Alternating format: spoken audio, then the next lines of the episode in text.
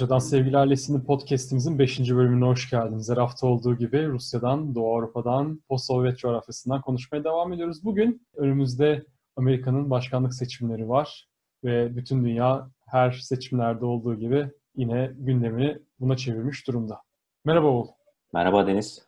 Tabii Amerikan seçimlerini Rusya ile bağlantılı bir şekilde konuşacağız ve aslında iki bölüm ayıracağız.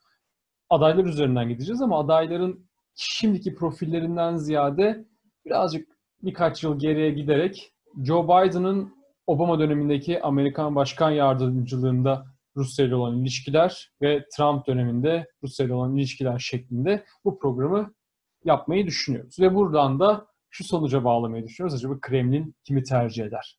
Öncelikle tabii ki Joe Biden'dan başlayalım. 8 yıllık bir Obama dönemindeki başkan yardımcılığı ve olaylara gelecek olursak aslında bunu da kendi içine ikiye ayırmamız lazım.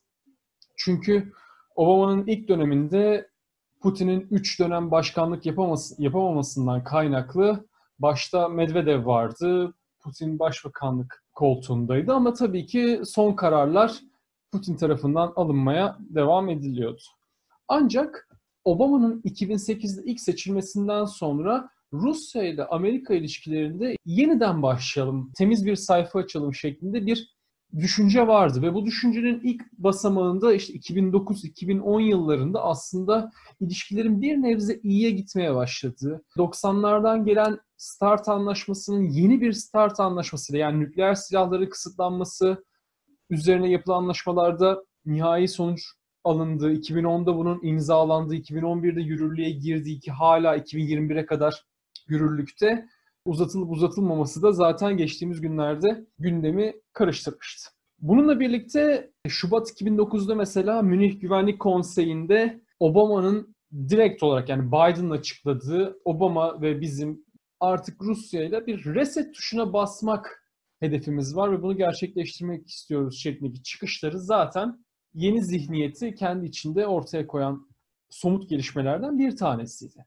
Ancak tabii ki Sonrasında değişen birkaç olay oldu. Yani dünyada gerçekleşen birkaç olay zaten küresel iki gücün de bu noktalardan kaynaklı ilişkilerinin değişmesine de sebep oldu. Bunların başına Arap Baharı geliyordu ve iki ülke Rusya'nın önemli müttefiklerinden ikisiydi. Bunlardan ilki Libya ve Kaddafi'nin öldürülmesi, Amerika'nın ve diğer NATO ülkelerinin Libya'yı bombalaması şeklinde gerçekleşen olaylarda Rusya ile Amerika ilişkileri gerilmişti. İkincisi ise belki de Rusya'nın daha önemli bir müttefiki olan Suriye üzerinde gerçekleşti ve Amerika'nın direkt Suriye'de Esad'ın gitmesi gerekiyor politikasıyla birlikte başlayan o gerilimli hat yıllardır süre gelen durum. İkinci büyük problem 2013-2014 yıllarından başlayan aslında Ukrayna kriziydi. Yani bu Ukrayna kriziyle birlikte ki Ukrayna'nın NATO'ya dahil olması ihtimali, Avrupa Birliği'ne dahil olması ihtimali geçen haftalarda konuştuğumuz Rusya'yı tedirgin eden durumlardan bir tanesi. Çünkü Ukrayna'nın NATO müttefiki haline gelmesi demek NATO ile Rusya sınırının birleşmesi anlamına gelir. Ayrıca Ukrayna'da başlayan bu problemlerden sonra Amerika'nın kendi içinde yani Obama yönetiminin şöyle bir başlıklar halinde politikalar izlediğini görüyoruz. Üç başlık altında toplayabiliriz. Bunlardan ilki Ukrayna ile yani yeni hükümetle, Poroshenko hükümetiyle ilişkileri geliştirmek. Bu birinci aşamaydı ki bunun çoğunlukla başarmış durumdalardı. İkinci aşama NATO ülke, diğer NATO ülkelerini Rusya karşı kışkırtmak. Ve bunu da, buna da başarılı oldular diyebiliriz. Yani hem Avrupa Birliği'nden hem Amerika'dan 2014 sonrasında özellikle Rusya Kırım'ı ilhak ettikten sonra sert yaptırımların uygulandığını biliyoruz. İşte Amerika'nın önemli iş insanlarını sınır dışı etmesinden Avrupa Birliği'nin uyguladığı ekonomik ve siyasi yaptırımlara kadar. Ki bunun Rusya ekonomisindeki sonuçları 2015 ve 2016 yıllarında oldukça hissedildi. Ki petrol fiyatlarının da aynı yıllarda düşmesiyle birlikte. Ee, burada da Suudi Arabistan kısmı var tabii ki. Yani sonuçta Soğuk Savaş döneminde de hatırladığımız temel politikalardan bir tanesi Amerika'nın Suudi Arabistan yani Aramco'nun sürekli olarak piyasaya petrol arzı çıkartmasıyla birlikte zaten petrol fiyatlarının düşürülmesi taktiği 2015 yılında da uygulandı ve başarılı oldu. Petrol fiyatları çok net bir şekilde düştü ve Suudi Arabistan'la Rusya'yı karşılaştırdığımız zaman Suudi Arabistan'ın petrolü çok daha net ve piyasaya sürme gücü var Rusya'ya nazaran. Ve bunun da Rusya'daki etkileri hala ya 2020 yılında bile konuşuluyor. Kur çok yüksek, petrol fiyatları dalgalı 40'larda seyrediyor. Bununla birlikte üçüncü kısımda direkt olarak Amerika'nın kendi başına Rusya'yı baskı altına alması ki bunda da e, elbette başarılı oldu. Ekonomik kısmında başarılı oldu ama siyasi kısmında başarılı oldu mu diye soracak olursak yani burada net olarak birbirleriyle çarpıştıkları, yani sıcak bir savaşa tabii ki girmiyorlar fakat kendi düşünceleriyle, kendi müttefikleriyle oluşturdukları sistemde net sıcak saha görülebilecek durum Suriye'ydi. Ve Suriye'de Rusya'nın önemli kazanımları oldu ki Eylül 2015'te yardım kararı almasından itibaren Esad'ın ülkenin %20'sini kontrol ettiği ve düştü düşecek denilen Esad'ın tekrardan ülkenin çok büyük bir kısmını yönetebilir hale gelmesi, daha güçlü bir hale gelmesi ve Trump döneminde ayrıntıları sen anlatırsın. Esad kalabilir yani kesin gitmeliden ah, kalsın ya da kalabilir şeklinde dönüşen bir politika söz konusu. Yani bunları toparlayacak olursak Tabii, dinliyorum seni. Obama'nın kırmızı çizgilerinden hani bunların artık nasıl aşıldığı ortada. Hani sonraki dönemde tabii bahsedeceğiz.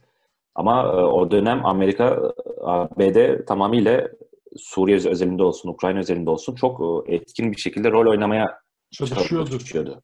Yani ve bunu yapıyordu da aslında. 2014-2015 yılına kadar da yani başarılı oldu diyebiliriz. Yani Libya'da başarılı oldular. İstediklerini yaptılar aslında. Suriye'de de evet. istediklerini yapmak evet. üzerelerdi. Amerika'nın tamamen sağdan çekildiğini söylememiz çok zor. Yani böyle bir şey meydana gelmiyor ama Rusya'nın kazanımları, Trump'ın farklı bakış açısı belki durumu farklı bir yöne evrildi. Obama döneminden bahsederken tabii ki burada iki kilit hatta üç kilitisinden bahsedeceğiz tabii ki. Bunlardan ikisi Dışişleri Bakanlığı yapmış Obama döneminde Kerry ve Clinton ve tabii ki de Başkan Yardımcısı Joe Biden. Yani aslında belki de bu programı çekerken şuna da dikkat etmemiz gerekiyor. Yani başkan kim olursa olsun Amerika'da işleyen bir sistem var. Düzeni sadece tek bir kişinin egemenliğinden anlamamak lazım. Yani bunun kongresi var, Amerika'nın kendi içindeki kurumlar var. Ya bunlar tabii ki belli başkanlık dönemlerinde kurumlar daha etkili oluyor ve kişinin kendisi etkili oluyor. Reagan döneminde Reagan'ın çok net bir şekilde en etkili figür olduğunu söyleyebiliyoruz. Ama başka figürlerde bunu söyleyebilir miyiz? Kendi içine girip tartışmamız lazım. Etraftaki isimler de değerli. İşte Joe Biden bu noktada Obama'nın politikalarıyla eşleşen bir figür. Ve Kremlin'i zorlayabileceği üzerine tabii ki de analizler yapılıyor. Kremlin'e sorduğunuz zaman tabii net bir şekilde işte biz bu başkanla anlaşırız hiçbir diplomaside böyle bir şey gerçekleşmez normal bir düzlemde ki Rusya'da bu tercihte bulunmuyor. Yani böyle bir söylemde bulunmuyor. Ama Putin dört Amerikan başkanıyla çalıştı. Başta işte kısa bir dönem Clinton, Bush, Obama ve Trump. Beş mi olacak, dörtte mi kal- kalacak bunu bilmiyoruz ama iyi kötü dört başkanla çalışmayı başardı gibi söyleyebiliriz ki. Yani Obama belki 6-7 olacak. Belki. Yani 2033'e kadar başta kalma ihtimalini düşünürsek ve Amerika'da en fazla iki, iki dönem başkanlık yapılabileceği ihtimalinde belli olmaz diyorum ben. Evet. Obama dönemi genellikle böyle yani son kısımda belki bir şeyler daha ekleriz ama özeti budur. Şimdi birazcık senden Trump dönemi dinleyelim. Yani Trump dönemi derken aslında Trump'ın Rusya ile kendi e, biyografik e, kısmı çok daha gerilere gidiyor. 87'de başlamış onun Rusya ile hikayesi. Daha Sovyetler Birliği yıkılmadan önce işte Moskova'ya davet ediliyor. Bütün e, Hacirah Ruslar tarafından karşılanıyor. Daha sonra onun St. Petersburg'da düzenlediği bir gezi var. E, Ivanka'nın annesiyle. 2000'li yıllarda ticari ilişkiler e, iyice artıyor. E, Rusya'da, Moskova'da yapılan yatırımlarla. E, ve tabii bizim için asıl önemli olan kısım 2016 yılına geliyoruz. E, 2016 senesinden itibaren zaten daha e, Soğuk Savaş döneminden bu yana var olmuş e, Rusofobi, e, anti-Rus e, ne diyelim e, duygular, düşünceler, Amerikan toplumunda bulunan anti-Rusçuluk e, tekrar canlandırıldı ve bunda demokratlar çok büyük rol oynadılar. Trump seçimleri kazandı. Beklenmedik bir şekilde bütün kamuoyu araştırmalarının, bütün medyanın e, saldırılarına rağmen Hillary Clinton seçimi kaybetti. Ve daha e, hani sandıklar sayılırken diyelim e, Rusya seçimlere müdahale etti tartışması başladı. Ki bu e, geçtiğimiz yıl ancak e, sonuçlanan hatta kimilerince hala sonuçlanmayan bir davanın konusu oldu. Rusya'nın Amerikan seçimlerine müdahalesi. Geç, geçtiğimiz hafta tekrar hatta bu konu gündeme geldi. 2020 seçimlerine de müdahale edecek et, etmek üzere e, halde ediyor İran'la beraber diye. Çin'de var. Ee, Çin'i unutma. Üçlü, heh, üçlü var. hep üçlü müdahale ediyorlar. Kuzey Kore'de belki yedeklerden listeye katılır. Ve bu e, Rusofobi e, tabii pek çok e, senato nezdinde, işte temsilciler meclisi nezdinde pek çok e, rapora, e, davaya konu oldu. E, fakat en son Mueller raporu vardı. E, burada aslında Rusların hiçbir e, müdahalesi bulunmadığı şeklinde bir ifade kullanıldı. E, tabii durum çok karışık. Sonuçta ortada e, işte Mark Zuckerberg'e kadar uzanan e, soruşturma ritüelleri, soruşturma ayinleri düzenlendi Amerika'da geçtiğimiz 5 yıl boyunca, 4 yıl boyunca pardon. Ve kimilerine göre Ruslar e, kendi e, dezenformasyon kanalları aracılığıyla, trolleri, troll ordusu aracılığıyla seçimlere müdahale etti ve Trump'ın e, başa gelmesini sağladı. Peki Trump'ın başa gelmesi Rusların işine yaradı mı? E, buna cevap herhalde senin evet olacaktır. Tabii yani. Tabii. evet. Son 4 yıla bakınca jeopolitik olarak e, Rusya aslında e, Sovyetlerin yıkılışından beri hiç e, elde etmediği imkanlara kavuşmuş oldu. Tabii bunu Trump isteyerek mi yaptı? Cidden Kremlin'in kuklası mı? Yoksa e, ABD çıkarlarını savunduğu için mi böyle bir e, yumuşamaya gidildi, üstü kapalı yumuşamaya gidildi? Şu an için buna net bir şey söyleyemeyiz. Fakat ortada bir gerçek var ki e, Trump'ın izolasyonist, korumacı politikaları Orta Doğu'dan, Afganistan'dan e, çekilip tamamıyla Pasifik'e ve Çin'e odaklanma stratejisi ki bu da aslında Obama'nın bir mirası. E, Rusya'nın Suriye'de, Ukrayna'da, Kafkaslar'da yani ABD ordusunun daha önce bulunduğu neredeyse bütün bölgelerde güçlenmesini sağladı. Rusya bugün e, bizim coğrafyamızdaki her devletle konuşabilen yegane güç. Bir diplomatik güç olarak yükseldi. Askeri ve ekonomik güç olarak değil ama askeri değil ama e, bir diplomatik güç olarak her yere elini atabiliyor. Hatta bugün e, Lavrov e, Yunanlarla Türkler arasında neredeyse ara buluculuk yapma vaadiyle ortaya çıktı. Tabii bu Amerika'nın asla çıkarlarına şu an için tehdit ettiği düşün, düşünülen bir durum. Çünkü ABD hiçbir e, müttefiki tarafından e, Trump seçildiğinden bu yana güvenilir bir e, partner olarak görülmüyor. Trump'ın seçim içerisinde e, AB savunmasının, AB ordusu kurulmasının önemi gibi tartışmalar ortaya atıldı ve tabii ki en büyük düşman olarak Rusya Avrupa Birliği kamuoyuna lanse edildi. Türkiye'nin durumu ortada. Orta Doğu'nun İran'ın üzerindeki tehditler ortada. Her ne kadar Trump bu bölgeden, bu coğrafyadan çekilmek istediğini ifade etse bile sen aslında burada kurumsal süreklilikten bahsettin. Ki Trump'ın Orta Doğu'dan çekilememesi bir şekilde bu kurumsallığın sonucu olarak görülüyor kimilerince. Özetle Trump dönemi aslında bütün dünyada e, ABD'nin küresel güç rolünden, bir e, süper güç e, rolünden feragat ettiği dönem olarak e, çoktan e, tescillendi. E, tabii ki hani bu şu anda tescillendi derken bunu senle ben değil e, pek çok analist bu şekilde konuşuyor ama bence bunu söylemek için çok erken. E, bunun muhtemelen etkilerini daha 10 yıl sonra göreceğiz. Biz e, başladığım yere geri dönersem Trump ve Rusya ilişkilerine bu korkunç, bu kaotik, anarşik e, uluslararası düzlemde ki bu anarşik ve e, kaotik aslında uluslararası ilişkiler teorilerinin bir ifadesi. Ta Hobbes'a kadar götürebileceğimiz bir durumu ifade ediyor. Ee, Rusya bundan çok faydalandı kendi adına. Bunda muhtemelen demokratların ve ABD medyasına iddia ettiği gibi en başta Trump'ın ekonomik ilişkileri büyük bir rol oynuyor. E, hatırlarsın e, bir e, e, altın banyosu, altın duş e, kaseti yayınlanmıştı. 2013 senesinde Trump'ın e, Obama'nın Moskova'da daha önceden kaldığı Ritz-Carlton e, suite'inde e, iki e, hayat kadınla beraber e, fantezisi.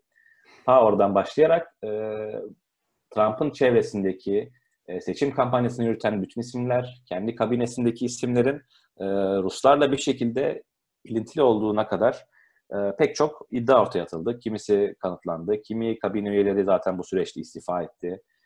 E, Trump'ın damadının, Jared Kushner'ın e, Ruslarla çok önemli e, ortaklıkları olduğu ortaya atıldı.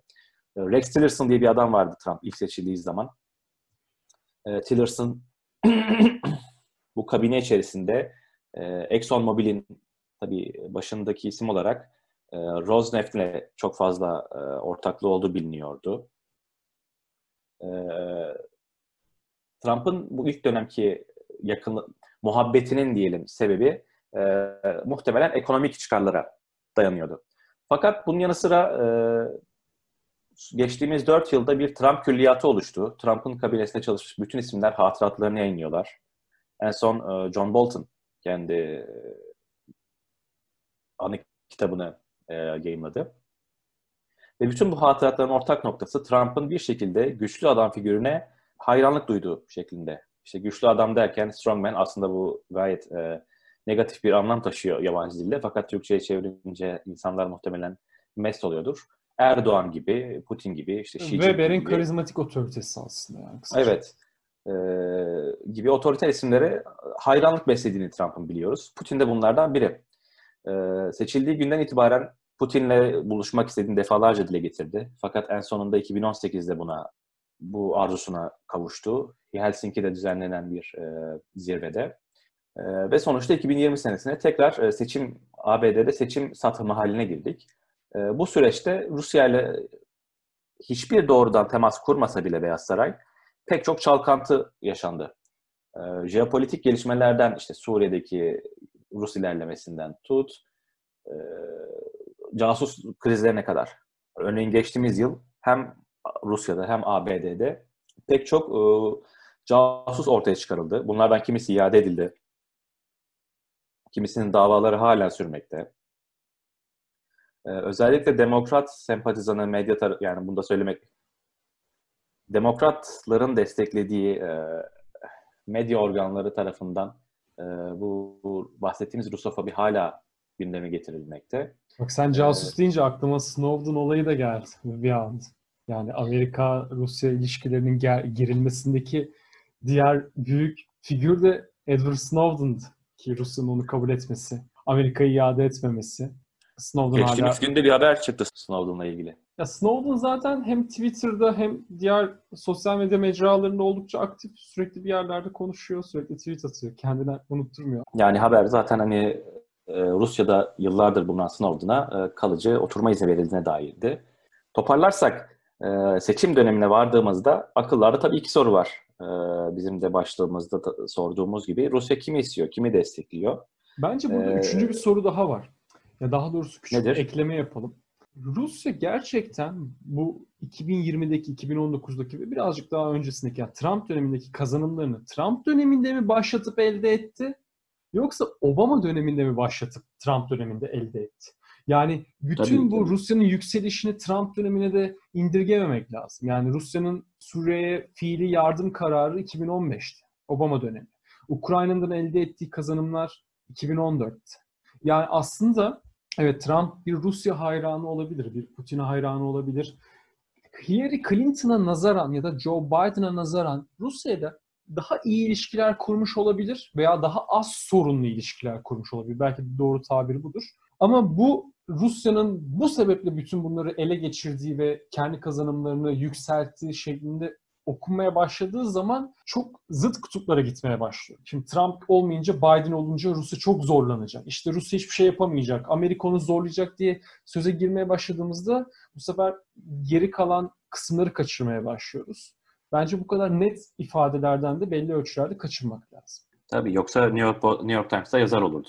Yani bunları kullanacak olsak. ee, aslında Çin konusunda biraz önce dediğim gibi bunlar bir ölçüde Obama'nın dış politikasının mirası. Yani e, ABD sonuçta e, bu Trump'la birlikte her ne kadar yükselişe geçse de artık e, bütün dikkatini Pasifik'e, Çin'e yönetmek istiyor. Bu Obama'nın döneminden kalma bir durum. E, hatta bu yüzden İran'a pek çok ta- tırnak içinde taviz verdiler. İran'ın önünü açmaya çalıştılar ki sonra pişman oldular. ya da Trump'ın e, neokon kanadından gelen, evangelist kanattan gelen etkilerle e, İran üzerine bir şahin kesilmesine engel olamadılar. E, ve dediğim gibi evet e, Rusya'nın bu dönem dönemi açıldı. Çünkü sonuçta Edward Ludwig'tan e, Kissinger'a dek e, pek çok önde gelen e, stratejist, uluslararası ilişkiler e, doğayeni e, uzun gelecekte isteseler de istemeseler de Rusya'nın ve Batı e, dünyasının Çin'e karşı e, işbirliği yapmak zorunda kalacaklarını ifade ediyorlar. Ve tabii e, Rusya'yı da 90'lı yıllarda yaşadığı e, aşağılanmanın, e, küçük düşürülmenin belki bir e, ne diyelim tazminatı olarak önünü açmaya gayret ettiler. E, şimdi 23 Ekim'de düzenlenen e, son başkanlık münazarasında da e, hep Rus, Rusofobiden bahsettik. E, bu sefer Trump Biden'a Ruslarla işbirliği yaptığı e, iddiasını yöneltti. E, Hunter Biden meselesi var. Belki ondan bahsetmek istersin. Asıl Biden'ın Çin ve Rusya'dan e, para aldığını iddia etti. Rusya'nın Biden'ı isteyeceğini, tercih edeceğini söyledi. Ki Putin de dün bu iddiaları yalanladı.